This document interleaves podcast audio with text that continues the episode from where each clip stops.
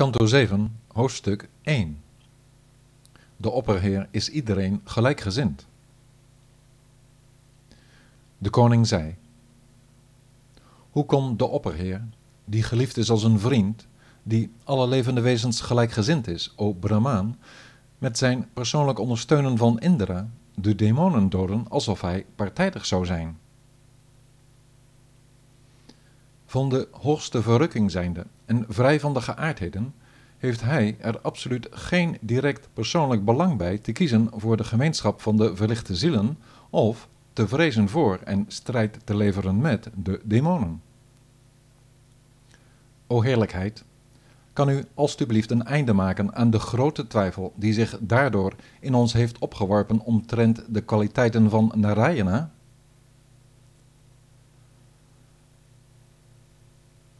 De achtenswaardige Rishi zei: Wat een uitstekende vraag, o grote koning! Vanwege de wonderbaarlijke handelingen van de Heer, die worden bezongen door hen die vooropgaan in de vroomheid, de wijzen aangevoerd door Narada, zien we meer en meer de heerlijkheid en de toewijding van zijn toegewijden. Ik zal al de onderwerpen aangaande de Heer met u bespreken, maar laat me allereerst mijn respect betuigen aan de grote wijze van Krishna, Vyasadeva. Hoewel hij vrij is van de geaardheden, ongeboren en niet gemanifesteerd, gaat de Allerhoogste Heer de materiële kwaliteiten van zijn begoochelende energie binnen in de vorm van de guna-avatars Brahma, Shiva en Vishnu en neemt hij verplichtingen en verantwoordelijkheden op zich. De kwaliteiten sattva, rajas en tamas horen bij de materiële natuur en maken geen deel uit van de geestelijke ziel, o koning. Voor het spirituele zelf bestaat er niet hun gezamenlijke overwegen of verval, het af en aan van de wisselvalligheid die men met materiële zaken heeft. Afhankelijk van de tijd van hun overwegen vindt men met de geaardheid sattva, de goedheid, de devas en de rishis, de goden en de wijzen. Staat men met de geaardheid rajas, de hartstocht, voor de asura's, de onverlichte zielen, en wordt men met de geaardheid tamas, de traagheid, geconfronteerd met yakshas en rakshasas, geesten en demonen. Zoals men van vuur weet dat het zich ophoudt in andere elementen zoals hout, nemen de wijzen, de experts in de kennis, de superziel waar als zijnde aanwezig in henzelf. En dit goddelijke zelf is niet zichtbaar als men kijkt naar al de schijn in de buitenwereld. Als hij het zo verlangt om materiële lichamen te scheppen voor de levende wezens, manifesteert de Allerhoogste die op basis van zijn creatief vermogen in de geaardheid hartstocht. Verlangend op te treden in verschillende gedaanten is hij van de geaardheid goedheid en als de Heer er aan toe is de zaak af te ronden, zet hij volgens die kwaliteit van de vernietiging de geaardheid onwetendheid in. O heerser van de mensen, de ware oorzaak die het mannelijk principe vormt, het oorspronkelijke, ongemanifesteerde fundament van de materie pradana, is de primaire, expanderende beweging van de tijd als de vierde dimensie, die de toevlucht vormt van de Heer om op te mediteren.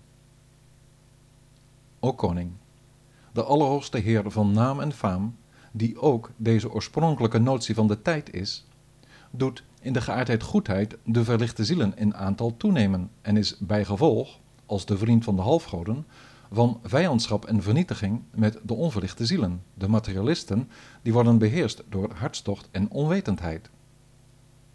Wat betreft dit, werd in het verleden op verzoek van koning Yudhishthira, de man zonder vijanden, het volgende verhaal liefdevol verteld door de grote wijze van de verlichting Narada tijdens de grote offerplechtigheid. Nadat de koning, de zoon van Pandu, gezien had hoe, bij de grote offerplechtigheid genaamd Rajasuya, de koning van Chedi, Shishupala, zo wonderbaarlijk in de hoogste persoonlijkheid Vasudeva was opgegaan, had hij, als de heerser, met verwondering geslagen, tijdens de plechtigheid, met al de wijzen luisterend, Narada die daar zat, de volgende vraag gesteld. Yudhishthira zei, O, hoe wonderbaarlijk en zo heel moeilijk te bereiken voor zelfs de transcendentalisten, is die realisatie van Shishupala die zich zo vijandig gedroeg tegenover Vasudeva, de allerhoogste absolute waarheid. We willen allen graag weten hoe dit kon gebeuren, o wijze. Vena werd door de Brahmanen naar de hel gestuurd omdat hij de Heer beledigde. Die zondige zoon van Damagosha koesterde vanaf zijn eerste kindergebrabbel woede jegens Govinda, precies zoals ook de kwaadwillige Dantavakra zijn broer dat deed. Er was bij hen op hun tongen geen witte lepra te bespeuren, noch belanden ze in de duisternis van de hel als gevolg van de herhaalde overtredingen jegens Heer Vishnu, de hoogste persoonlijkheid van het Brahman. Hoe konden zij voor ogen van iedereen zo makkelijk opgaan in de opperheer, wiens verhevenheid zo moeilijk te bereiken is? Wat dit betreft is mijn intelligentie zo wisselvallig als een kaarsvlam flakkerend in de wind. Alsjeblieft, o man van alle fortuin, vertel ons meer over de precieze oorzaak van dit grote wonder. De zoon van Vyasa zei, na de woorden van de koning te hebben aangehoord die hem vragen stelde te midden van de vergadering, sprak Narada, de grootste onder de wijzen, tevreden daarover met hem over die onderwerpen. Sri Narada zei, dit lichaam, onderhevig aan beledigingen, lof, eer en oneer, is het product van een gebrek aan onderscheid tussen de primaire staat van de materie pradana en de allerhoogste positie van de bovenzinnelijke getuige, o koning. O aardse heerser, om deze reden lijden de levende wezens in deze wereld onder de misvatting van het ik en mijn, net zo goed als onder de verwijten en bestraffingen die ermee samenhangen. Met deze valse voorstelling van zaken door het leven gaand, denkt men dat de vernietiging van lichamen hetzelfde is als de vernietiging van levende wezens. De misvatting, inclusief de verwijten en de angst voor straf, is er niet vanwege hem, maar omdat men zonder hem bezig is. Hij, die de zaligheid van de onthechting en emancipatie in eigen persoon is.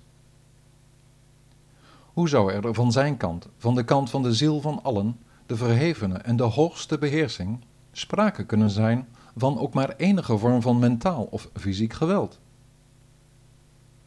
Derhalve, of men nu van een voortdurende vijandigheid is, van toewijding, vrees, genegenheid of lustige verlangens, men moet verbonden zien te blijven en nergens anders omgeven.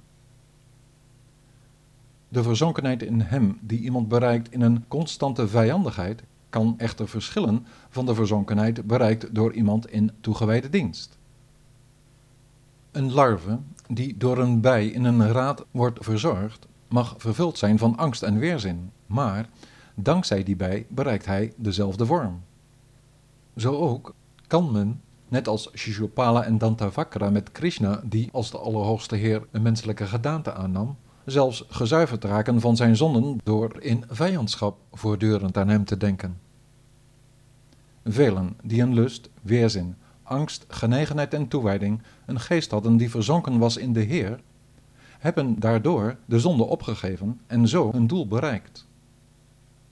O koning, dat hebben de gopis gerealiseerd middels hun lustige verlangens, Kamsa middels zijn angst, Shishupala en andere koningen middels hun hatelijkheid, Krishna's familieleden middels hun verwantschap, jullie Pandava's middels jullie genegenheid en wij middels onze bhakti. Als je niet wil zijn zoals Vena, die er niet in slaagde om één van deze vijf vormen van respect met betrekking tot de oorspronkelijke persoon op te brengen, moet je je geest op één van deze manieren op Krishna vestigen.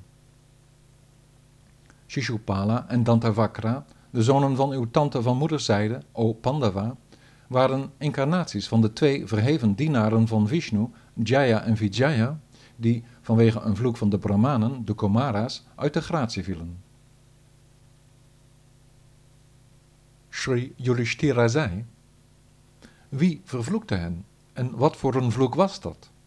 Het is moeilijk te geloven dat een dienaar van de Heer zoiets kan overkomen. Hoe kan het gebeuren dat zij, die uitsluitend Hem zijn toegewijd, opnieuw moeten worden geboren? Zij die verblijven in Vaikuntha hebben niets te maken met een materieel lichaam, materiële zinnen of een materieel leven. Leg ons alstublieft uit hoe zij aan een fysiek lichaam gekoppeld konden raken. Sri Narada zei: Zo gebeurde het op een dag dat de zonen van Brahma, Sanandana en de anderen, de Kumaras, rondtrekkend door de drie werelden, op de plaats arriveerden waar Vishnu verblijft. Toen zij, Jaya en Vijaya, hen zagen naderen, die, hoewel ze al geboren waren voordat de ouden van het universum er waren, eruit zagen als jongens van een jaar of vijf, zes, dachten de twee wachters dat ze naakte kinderen waren en weigerden ze hen de toegang. En zo werden ze vol van woede door hen vervloekt. O, jullie twee onwaardige zielen, verblijvend aan de voeten van de slachter van Madhu, is het hoogst zondig niet vrij te zijn van hartstocht en onwetendheid. En derhalve, o dwazen, zullen jullie hierna spoedig geboren worden uit de schoot van een onverlichte moeder. Al dus vervloekt om ten val te komen uit hun verblijfplaats, kregen ze verder nog van de genadevolle wijzen te horen Mogen het zo zijn dat jullie na drie geboorten weer terugkeren naar jullie verblijf. De twee kwamen daarna ter wereld als de zonen van Diti en werden door de Daitya's en Danava's geëerd als Hiranyakashipu, de oudste zoon, en Hiranyaksha, de jongere. Hiranyakashipu werd door de heer in de gedaante van een leeuw gedood, heer Rishimadeva en Hiranyaksha door hem toen hij in de gedaante van een everzwijn was verschenen om de wereld omhoog te tillen.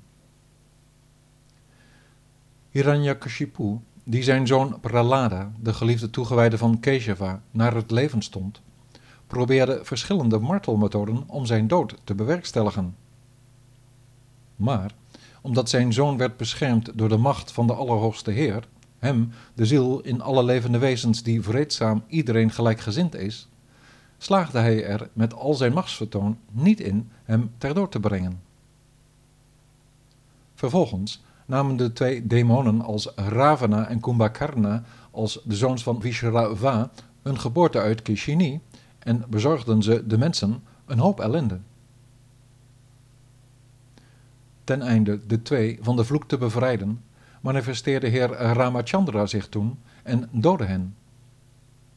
De avonturen van Rama zult u vernemen uit de mond van Markandeya, mijn beste. In hun derde geboorte werden de twee als Shishupala en Dantavakra hier geboren als Kshatriya-zoons uit je tante.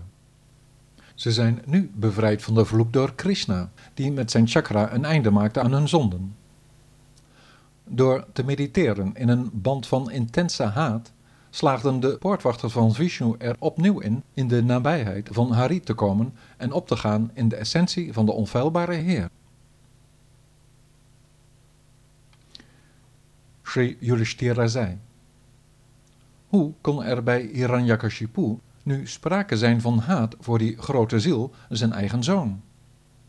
Vertel me alstublieft, o hoogste wijze, hoe Pralada zich zo aan Achyuta, de onfeilbare Heer, kon hechten.